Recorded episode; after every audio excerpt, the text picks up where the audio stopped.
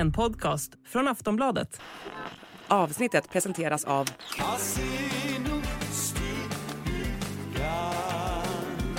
Stödlinjen.se, åldersgräns 18 år. Hej och välkomna till Kungligt. Jag heter Sara Eriksson. Och jag heter Jenny Alexandersson. Meghan har vunnit en rättsprocess mot sin halvsyster som stämt Meghan för förtal. Vi pratar även om den kungliga brittiska högvakten som får stå ut med urin, mögel och råttor på arbetsplatsen. Inte så fräscht. Nej. Enligt de anställda så är det ett smutsigt helveteshål de jobbar i. Låter ju inget vidare. Nej men vidrigt, där ska vi grotta ner oss i.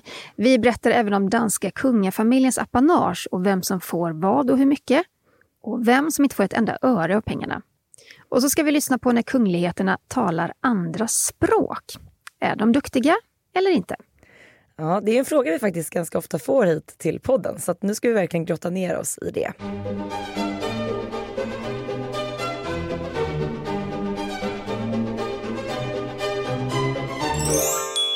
Men vi börjar i Danmark för att nu har danska kungafamiljen släppt sin årsredovisning. Drottning Margrethe tog emot 88,8 miljoner danska kronor för 2022 och det motsvarar ungefär 134 svenska miljoner kronor. Och den största delen går ju till eh, kungliga uppdrag, drift av slott, personalkostnader och så vidare. Men i årsredovisningen så berättar man även vad kungligheterna har för summor att röra sig med av lite mer privat karaktär och då kallar man det för rambelopp. Och det ska gå då till privata omkostnader, kläder och liknande. Och drottning Margretes rambelopp låg på 19,5 miljoner kronor och det rapporterar danska Billebladet. En del av den summan går ju även till underhåll och drift av Marselisborgs slott, Chateau de Caix i Frankrike och en jaktstuga som ligger i trend. Och alla de här tre fastigheterna, slotten, ägs då privat av drottningen. Ja, och sen har vi då kronprins Fredrik som får 32 miljoner kronor och av dem så är 3,1 miljoner öronmärkta för kronprinsessan Mary. Och parets rambelopp för mer privata omkostnader ligger på 6,5 miljoner kronor. Det är ju inte småpengar. Nej, det är en ganska så rejäl summa. Eh, men det är ju spännande det här just när man började på att välja att mer tydligt redovisa var pengarna går till för att mm. alla, allmänheten skulle få en bättre insyn i ekonomin helt enkelt. Mm. Prins Joakim då, sa Ja, han, han har tagit emot 5,74 miljoner kronor. Och här är det lite märkligt för att prinsessan Marie får inte någon del av det här apanaget. Nej, och det är ju mycket diskussioner kring prins Joakim. Han har ju bott i Frankrike nu ett par år. Eh, snart på väg till Washington mm. och ett nytt eh, toppjobb. Fick vi ju nyligen bekräftat faktiskt. Ja. Mm. Men snart så kommer då Folketinget ta ett beslut huruvida Joakim ska fortsätta att ta emot apanagepengar när han då flyttar till Washington. Han blir då försvarsindustriattaché på danska ambassaden. Men enligt dansk grundlag så är det Folketinget som ska avgöra ifall en kunglighet ska få ta del av pengarna då om personen bor utanför landets gränser. Så där ska alltså ett nytt beslut fattas för nästa år? Eller det här året som vi är inne i nu. Ja, för han fick ju del av apanaget i Frankrike. Mm. Men det känns ju som att ska han bo många fler år utomlands är det väl inte helt logiskt att ta emot apanagepengar. Nej, han har inte utfört särskilt många kungliga officiella uppdrag under året i Frankrike. Eh, och eh, ja, men det är mer i de här officiella sammanhangen ihop med familjen som vi faktiskt har sett både prins Joakim och familjen i stort. Så att det låter ju rimligt att de inte då längre ska ta del av ett, ett apanage utan snarare då att man får får pengar när man utför någonting. Mm. Drottningens syster, prinsessan Benedikte, hon får fortfarande ta del av apanaget. Hon får 1,96 miljoner per år. Mm. Och vi kommer ju såklart även att analysera den svenska årsredovisningen när den kommer. Förra året var ju faktiskt första året som svenska kungafamiljen redovisade rambelopp precis som det danska kungahuset. Och Jenny, vi var ju på plats när de presenterade det här förra året och då pratade man ju också mycket om att man faktiskt hade utgått ifrån den här danska modellen att redovisa ekonomin. Mm. Kungaparet fick ju förra året då 8 miljoner kronor i rambelopp. Kronprinsessan Victoria, prins Daniel 4,5 miljoner och prins Carl Philip och prinsessan Sofia 1,1 miljoner kronor. Eh, sen var ju resten av årsredovisningen, den är inte så detaljerad så att man kan se exakt vilka summor läggs på kläder, vilka summor läggs på boende eller mat eller andra inköp. Utan det är därför de sätter rambelopp, att det ska mm. fortfarande vara ett skydd av den privata sfären. Samtidigt som de försöker vara transparenta. liten balansgång det där. Mm. Men det är även intressant att se att eh, hovmarskalken skriver i förordet på årsredovisningen, eh, nu pratar vi alltså om danska hovet, eh, om ett par speciella händelser som präglat familjen under året. Och eh, det handlar om lite mer privata ämnen ändå får man lov att säga. Bland annat att Fredrik och Marys eh, val av skola till barnen väckte rabalder i Danmark. Men även då drottningens beslut att ta bort titlarna för prins Joakims barn. Mm. Och hovmarskalken skriver så här. Diskussionen om kronprin kronprinsparets skolval ledde till en stor debatt i offentligheten. Även drottningens beslut om att ändra titlarna för hans kungliga höghet prins Joakims barn ledde till starka reaktioner. Detta berörde naturligtvis alla inblandade som dock vid utgången av året var eniga om att se framåt. Och när det gäller skolan så var det ju så att prins Christian han gick på Herlufsholms skola. Och det var ju tänkt att även prinsessan Isabella skulle börja där efter sommaren 2022. Och Herlufsholm som ligger i Nästved är en internatskola där liksom många diplomater, näringslivstoppar och kungligheter sätter sina barn. Och den här skandalen den startade ju när danska tv-kanalen TV2 visade dokumentären Hellufsholms hemligheter. Där då cirka 50 elever vittnade om, om en våld och övergrepp. Och Jenny, de här vittnesmålen de var ju fasansfulla. Ja, det var de. Och vi har ju pratat om detta i, i tidigare poddar också. Men till exempel en före detta elev berättade att det är vanligt att treorna går in i ettornas sovsal på natten, sliter upp en elev ur sängen för att sen börja slå, eh, banka på överarmar och lår. Och man väljer ställen då på kroppen där det inte ska synas några blåmärken på morgonen. Och en annan elev berättade att en grupp äldre elever lekte Vem vill bli miljonär? med de yngre. Och de som svarade fel, ja, de fick stryk en pojke som dansade med en äldre kvinnlig elev på helt fick helt oprovocerat då ett knytnävslag i bakhuvudet på dansgolvet. Och kanske det värsta av allt, för många elever har ju då vittnat om sexuella övergrepp. Och det är väl det som är det stora problemet, att de här eleverna de sover i stora sovsalar. Sängarna står tätt intill varandra.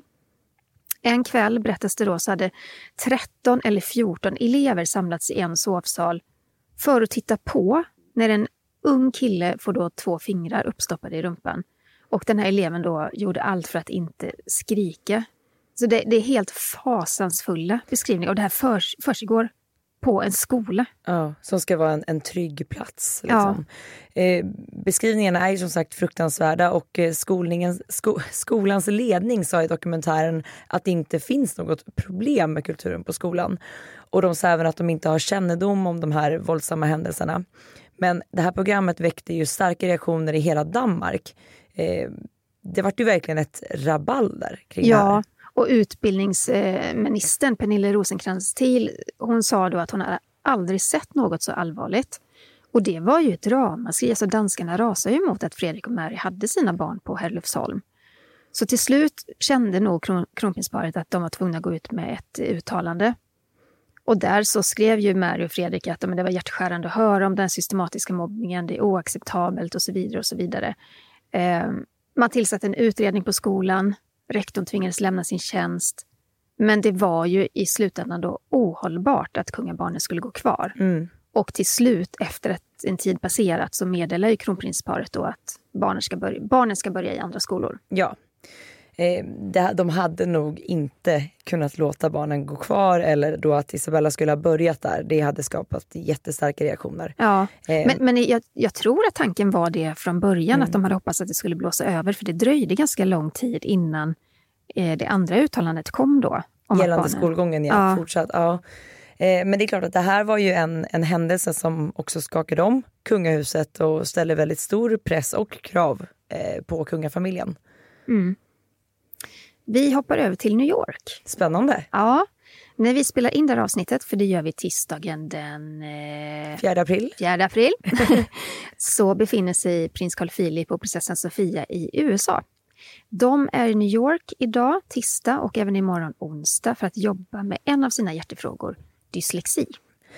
Och idag tisdag när vi spelar in så är de med på World Dyslexia Assembly på Lincoln Center där man då läser beskrivningen eh, av den här konferensen så ja, men de fokuserar ju på positiva saker med dyslexi. Eh, det är spännande och det är härligt att ta del av det här. Eh, dyslexi kan ju vara tufft för många men här bjuder man in sportstjärnor och kändisar, forskare och kungligheter som får berätta om hur de liksom, tack vare sin dyslexi lyckats med något och blivit framgångsrika. Så det här är ju verkligen någonting peppande, Mm. upplyftande. Och konferensen är öppen för alla så man kan köpa biljetter då och lyssna på de här talen och föreläsningarna. Och eh, jag såg också på prinsparets eh, Instagramkonto idag att de har besökt eh, Windward-skolan. Det är den första privatskolan som är till för barn och unga som har dyslexi. Det var ganska härligt. Alltså jag längtade lite till New York när jag Mm. så- såg det. Sofia kom där, liksom, det var utan ytterkläder. Så de har ju lite Det är varmare. lite, vår, lite vårkänslor. Så himla skönt vad man längtar.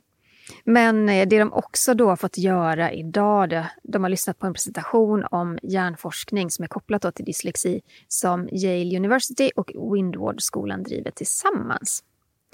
Men man ska ju också säga det att det allra första World Dyslexia eh, Assembly hölls ju faktiskt på Kungliga slottet i Stockholm förra året. Och då var ju även drottning Silvia med och även prinsessan Beatrice eh, ifrån Storbritannien som också lider av dyslexi. Så att då var de här på besök i Stockholm och sen anordnades det på Kungliga slottet. Och nu är faktiskt, jag såg att Beatrice är med i New York också. Eh, och man, det var ju någon bild på de tre tillsammans, Carl Philip, Sofia och Beatrice. Och det såg faktiskt ut som de hade riktigt trevligt tillsammans. Jag tänker att de har mycket, mycket erfarenheter att, att dela eh, med varandra och andra. Ja men precis likt eh, prins Carl Philip så är också det här en av prinsessan Beatrice hjärtefrågor och hon driver liksom lite samma typ av arbete i Storbritannien som prinsparet gör här i Sverige. Mm. Men jag tycker vi ska lyssna på det här inledande talet. Och Det här är från Kungliga slottet förra året. För att då, Det var den första assemblyn som hölls och eh, vi lyssnar lite på vad Carl Philip sa då. This is the first stop on a world tour to empower dyslexic thinking in every school and every workplace. Jag tycker att det är så bra att eh, i det här fallet då prins Carl Philip, prinsessan Sofia och prinsessan Beatrice använder sitt kungliga strålkastarljus till att belysa den här typen av frågor. Eh, för det finns ett väldigt starkt värde i att de är närvarande vid den här typen av konferenser och så vidare. Så det tycker jag är väldigt bra. Jag håller med dig. Nu tar vi en kort paus, men vi är snart tillbaka.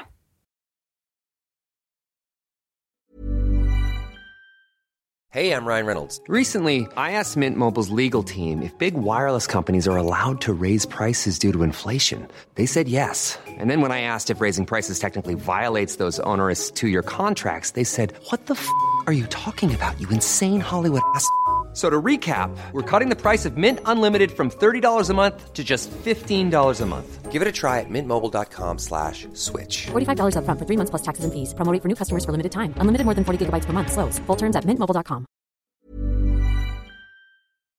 Och nu är vi tillbaka.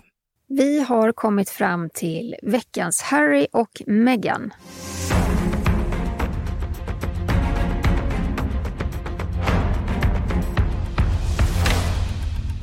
Megans halvsyster Samantha Markle stämde ju Meghan för förtal efter den omtalade tv-intervjun med Oprah Winfrey. Den minns ju säkert alla. Yes. Och under den här intervjun då hävdade ju Meghan att hon växte upp som ensambarn tillsammans med sin pappa i USA.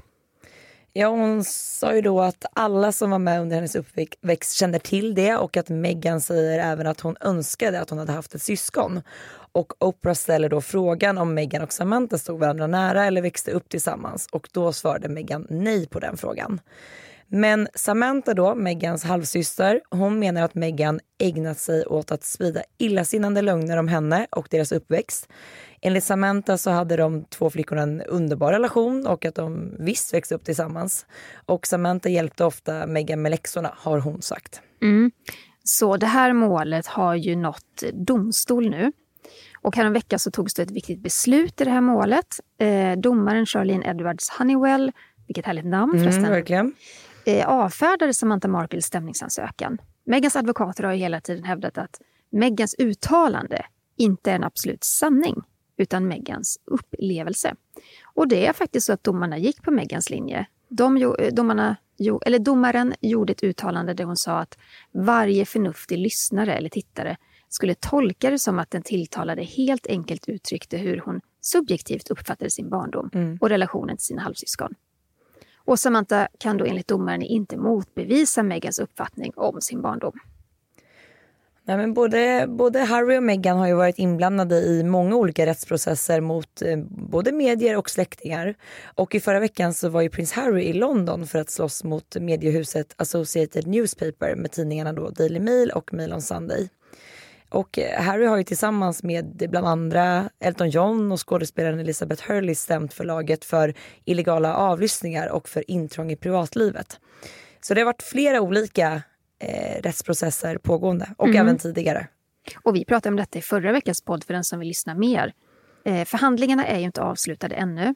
Eh, Harry vill dra detta till rättegång medan förlaget menar att kungligheterna och kändisarna de vill rida på den här vågen av den 30 år gamla avlyssningsskandalen och vill då att domaren ska avfärda målet helt och hållet. Men vi kommer ju följa det här såklart. Ja, och som sagt, vill ni höra mer om den här avlyssningsskandalen så hittar ni det i förra veckans avsnitt av Kungligt. Vi stannar i London. Det ska vi göra. Eh, Ni som har besökt stan har ju förmodligen inte missat de här rödklädda högvakterna utanför Buckingham Palace. Ni vet de här som har svarta, höga, jättekonstiga mössor. Det är björnmössor kallar man dem ju. Ser Ja. otroligt varma ut. Och så har de inte den här, det här hakskyddet på hakan, utan på underläppen. Ja, jag, varenda gång jag ser dem och de liksom, vad säger man, säger inte att de traskar runt utan marscherar. Ja. Tänker jag det måste börja skava till slut. Och Ja, det tror jag den här, det är som en stålvajer nästan. Men jag fick höra att eh, det där konstiga hakskyddet, det är för att de är så höga de här mössorna. Ja. Så när det kommer en liten vindil, då kan den ju lätt fånga upp mössan. Ja, men jag tänker, om den kommer åt andra hållet då? Om vinden kommer Ja. bakifrån, då är det inte mycket stöd kvar. Det kanske finns en sån Det kanske finns en också. liten hake där bak också. dit och spana in det här tror jag. Jag skulle vilja testa en sån mössa. Ja, jag med. Mm. Skulle vilja testa hela uniformen. Ja. Eh, de kallas ju för Coldstream Guards och har funnits sedan mitten av 1600-talet. Och deras främsta uppgift är ju att skydda den brittiska monarken och slotten. Och som vi är inne på, det är den här röda uniformen med svarta detaljer och sen de här svarta björnskinnsmössorna. Det ser ju väldigt flott ut när de vaktar slottet och vid de här vaktavlösningarna. Men nu har flera vittnesmål nått brittiska Daily Mail som avslöjar att situationen ser helt annorlunda ut inne i Wellington Barracks där de då tillsammans med fyra andra regementen huserar. Och det här är äckligt. Ni som är äckelmagade, håll för öronen. Eller spola fram. Bilderna som Daily Mail har tagit, de visar smuts, mögel, urin på golvet, skräp, döda fåglar och råttor. Jag, bara, jag blir så förvånad. Är det ingen som är där och städar? Ja, nej, städar? det... Alltså, slänger de själva all den här smutsen på golvet? Alltså, det låter helt fruktansvärt. Och kissar de själva på golvet? Kissar de på Det är golvet? också en fråga jag har här faktiskt. Jag undrar vad som pågår. Alltså, en källa då ska ha sagt i Daily Mail, det liknar ett smutsigt helveteshål. Ja, det förstår jag verkligen efter Ja. de här beskrivningarna. Låter ju inte som någon hit precis. Varför skulle man vilja kissa på golvet? ja, nej. Ja. Mycket frågor idag. En annan källa berättar att han lämnat sin tjänst vid högvakten på grund av de här förhållandena och kallar dem värre än ett fängelse. Och enligt källan är det extremt trångt i barackerna och de bor 32 personer på varje våning. Citat, allmänheten måste få veta hur soldater i landet blir behandlade. Slutcitat. Alltså jag, blir, jag är äckelmaga, det kan jag säga. Ja, det är jag med. Tänk att gå till jobbet, och bo, alltså de bor ju där också och sover där. Mm. Skulle inte stå ut en sekund. Men det blir också en sån eh, extrem kontrast då att man på dagarna vaktar Buckingham Palace som är liksom ett kungligt slott, ganska så flott. Och sen då när man är klar med sin arbetsuppgift för dagen ska man då gå och bo och sova i den här miljön. Eh, Så jag tror absolut att det här har fått en väldigt stor uppmärksamhet när det blivit avslöjat. Även inne på slottet kan jag tänka mig. Mm. Jag menar, de borde ju säkerligen ha klagat eh, innan också på den här miljön. Men, Mm. Men ofta nu är det som att det då har uppdagats i och med att man har då gått ut till pressen och ja, berättat om och det här. ofta är det ju då det sker någon ändring, Ja. tyvärr. Eller alltså, jag menar, det är väl bra att det gör det, men att de kanske skulle behövt en ändring långt tidigare. Ja, men det här kommer vi såklart följa här i Kungligt. Mm. Och vi ska prata om kungligheter och språk. Ja, kung Charles och drottning Camilla fick ju väldigt abrupt ställa in statsbesöket till Frankrike förra veckan. Den skulle ha varit, eller det skulle ha varit deras allra första statsbesök som kungapar men de våldsamma och omfattande protesterna mot den nya pensionsreformen i Frankrike tvingade dem helt enkelt att ställa in besöket. Man kunde inte garantera deras säkerhet. Nej, istället blev det Tyskland som fick ta emot kungaparet på deras allra första besök istället. Och eh, kung Charles han briljerade med att hålla ett par av sina tal på tyska. Han och Camilla de bjöds på bankett på Bellevue tillsammans med presidenten. Då talade han tyska precis i början av talet. Men det var nog under besöket i Bundestag som han talade längst. Och jag tycker vi lyssnar på hur det lät. Der Entschluss Deutschlands, der Ukra Ukraine so große militärische Unterstützung zukommen zu lassen, ist überaus mütig, wichtig und willkommen. Aus der Vergangenheit zu lernen, ist unsere oberste Pflicht. Aber nur durch unser Engagement für eine ge- gemeinsame Zukunft können wir sie voll erfüllen. Ja, det är ju inte helt felfri tyska, men jag tycker ändå det här är bra gjort. Det är klart att man hör att Charles är från Storbritannien, men jag hade nog inte gjort det bättre. Jag har läst några år tyska i, i skolan. Jag hade definitivt inte gjort det bättre. Jag har läst noll år tyska så att jag hade absolut inte gjort det bättre. Jag tycker, alltså jag menar som kunglighet, du vet ju att allt du säger och allt du gör liksom blir granskat in i minsta detalj. Så jag tycker det är ganska så modigt att ställa sig och hålla ett tal på ett, ett annat språk. Ja, och Om man sen- inte är helt hemma i det menar jag. Ja, verkligen. Och sen tycker jag det är ju verkligen en fin gest emot värdlandet. Att vilja tala språket. Ja men verkligen. Eh, apropå då språk och kungligheter, prins eh, William visade ju upp sina franska kunskaper under ett besök i Kanada 2016 var det. Och eh, franska är väl eh, om möjligt ännu svårare än tyska. Svar ja. Ja. Så vi lyssnar på hur det lät när han höll ett tal vid British Columbia Parliament. Nous sommes très heureux d'être de retour au Canada. Nous vous remercions d'être venus en si grand nombre pour nous accueillir. Nous vous remercions aussi d'avoir accepté de partager avec nous la beauté de ces pays magnifiques.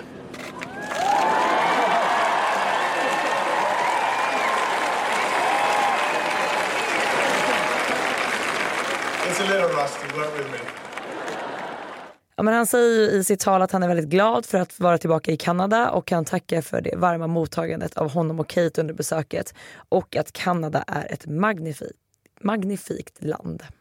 Men jag, jag är ändå imponerad av eh, William. Det är svårt med franska. Han, gö- jag tycker det är svårt med alla språk. Ja, men han, gör det, han gör det med glatt humör. Man kan se också på de här, om du sett här videoklippen från det tillfället, att Kate nästan så här flörtigt skämtar med honom. Hon sitter ju på en stol eh, en bit ifrån. Hon, det är inte det att hon skrattar åt honom, men hon, hon liksom så här, lite flörtigt så här, skojar och blinkar till honom. Liksom. För att det är klart att, ja men här hör man ju att han inte är fransktalande. Nej. Men han gör ett gott försök och eh, jag- tycker ändå det är en fin gest. Med tanke på att vi pratar om kungligheter och språk tycker jag vi ska bädda in en lyssnarfråga direkt här. För att eh, jag har fått en fråga från Karin som undrar hur många språk medlemmarna i svenska kungafamiljen talar. Och Jenny, det svaret är ju faktiskt många. Oh ja, den som talar flest språk det är drottning Silvia. Hon eh, talar svenska, tyska, engelska, franska, spanska och portugisiska. Det är imponerande tycker jag. Och kronprinsessan hon talar svenska, engelska, franska och tyska. Och jag har faktiskt hört henne tala både tyska och franska. Och eh, hon, alltså hon har ju ett öra för språk alltså. Riktigt duktig. Men Madeleine då? Ja, men visst är det så att hon också likt kronprinsessan talar svenska, engelska, franska och tyska. Så det är någonting som båda systrarna kan och gör. Och sen såg jag i en, eh, det, kommer från någon gammal intervju, men eh, hovet har, berättat att kungen han föredrar att tala engelska, men att han förstår tyska och franska bra. Men engelska är mer hans go-to. Go-to-språket. Nästa vecka Jenny så ska vi göra ett helt poddavsnitt som bara innehåller svar på alla era spännande och intressanta frågor om kungafamiljen. Vi har alltså samlat ihop alla frågor som ni har skickat in till oss och nu ska vi äntligen ta och besvara dem. Ja, missa inte det. Och eh, tusen tack för att ni har lyssnat idag. Tack och glöm inte att följa oss på sociala medier. Eh, på Instagram hittar man mig under royalistan.se och var hittar man dig? Där heter jag Kungligt med Jenny. Tack för den här veckan. Vi hörs igen nästa vecka. Hej då! Hej då!